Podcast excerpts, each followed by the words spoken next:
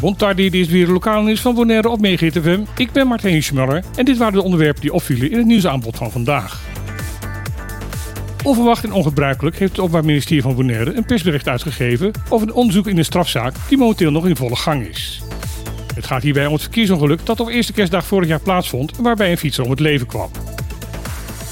Volgens de OM is de afgelopen dagen op social media en in een niet nader genoemde plaatselijke krant de nodige onrust ontstaan over deze zaak.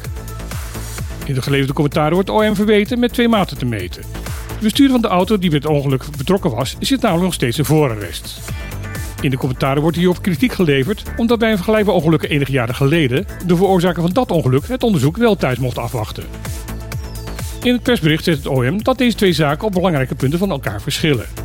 Het belangrijkste verschil is dat de bestuurder op eerste kerstdag momenteel verdacht wordt voor het plegen van twee misdrijven. Namelijk het rijden onder invloed en het wegvluchten na een ongeluk. Dit was niet het geval bij het ongeluk enige jaren geleden. Het OM benadrukt dat een voorrest alleen wettelijk kan worden opgelegd als er sprake is van een verdenking van een misdrijf. Afgelopen dagen werd in het water voor de westkust van Bonaire de kampioenschappen freediving gehouden. Hierbij is het oude wereldrecord duiken met een variabel gewicht tot 2 keer toe gebroken. Afgelopen zaterdag had de 24-voudige wereldkampioen Alexei Molchanov het oude record van 150 meter diepte al met 3 meter weten te verbeteren. Maar dat vond Molchanov niet genoeg. Gisteren trok hij weer om opnieuw 3 meter aan het record toe te voegen. Daardoor staat het wereldrecord in deze klasse nu op 156 meter. Deze diepte is voor gewone duikers al uiterst moeilijk om te bereiken. Maar deze prestatie wordt nog indrukwekkender wanneer je beseft dat Molchanov deze diepte heeft gehaald zonder enige ondersteuning van ademhalingsapparatuur. Staatssecretaris Alexander van Huffelen van Koninkrijksrelaties is de laatste dagen druk bezig geweest met het brieven schrijven aan de Tweede Kamer.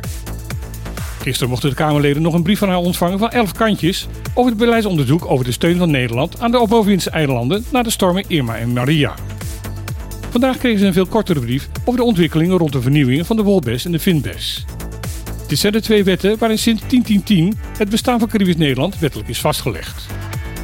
Al in 2013 werd er geconstateerd dat deze wetgeving niet toereikend en onvoldoende passend was en nodig moest worden aangepast. Nu tien jaar later moet de staatssecretaris bekennen dat zij niet haar belofte kan houden dat de vernieuwde bestwetten voor het zomerreces aan de Tweede Kamer zullen worden aangeboden. Als reden geeft ze op dat de officiële internetconsultatie voor deze wetgeving pas op z'n vroegst in april kan gaan starten. Omdat dit proces een bepaalde tijd vergt, evenals de verwerking van de uitkomsten van de consultatie, is volgens haar niet realistisch dat de Tweede Kamer voor de zomervakantie over deze wetgeving zal gaan buigen. Over wanneer dat dan wel kan, blijft Van Huffelen in haar brief opvallend vaag. Het zag er zo hoopvol uit. Vanaf 3 april is het weer mogelijk dat groente- en fruitbootjes vanuit Venezuela zouden kunnen gaan aanmeren in de haven van Curaçao.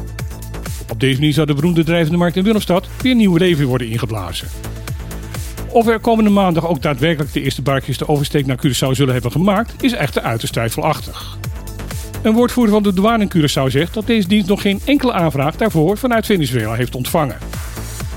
De dienst zegt klaar te zijn voor de ontvangst van de bootjes, maar dat de berichten uit Venezuela zijn dat ze er daar nog niet klaar voor zijn. Dat zou aan de autoriteit van het buurland liggen, maar ook doordat de meeste bootjes na het te hebben drooggelegen een uitgebreide opkrachtbeurt nodig hebben om veilig de oversteek te kunnen maken. Ook op Bonaire zou de komende maandag de barkjes weer welkom zijn. Maar of wij volgende week ook echt weer van verse groente en fruit kunnen genieten vanuit ons grote buureiland is na deze berichten nog maar zeer de vraag. Dit was hier het lokale nieuws van vandaag op FM. Wanneer je dit nog een keer wilt terugluisteren, kun je dat doen op je eigen podcastplatform. Je vindt alle afleveringen van het lokale nieuws en de uitzending van het programma op de klippen onder de naam MHFM Lokaal Nieuws. Voor nu wens ik iedereen weer een hele mooie dag en dan heel graag weer tot morgen.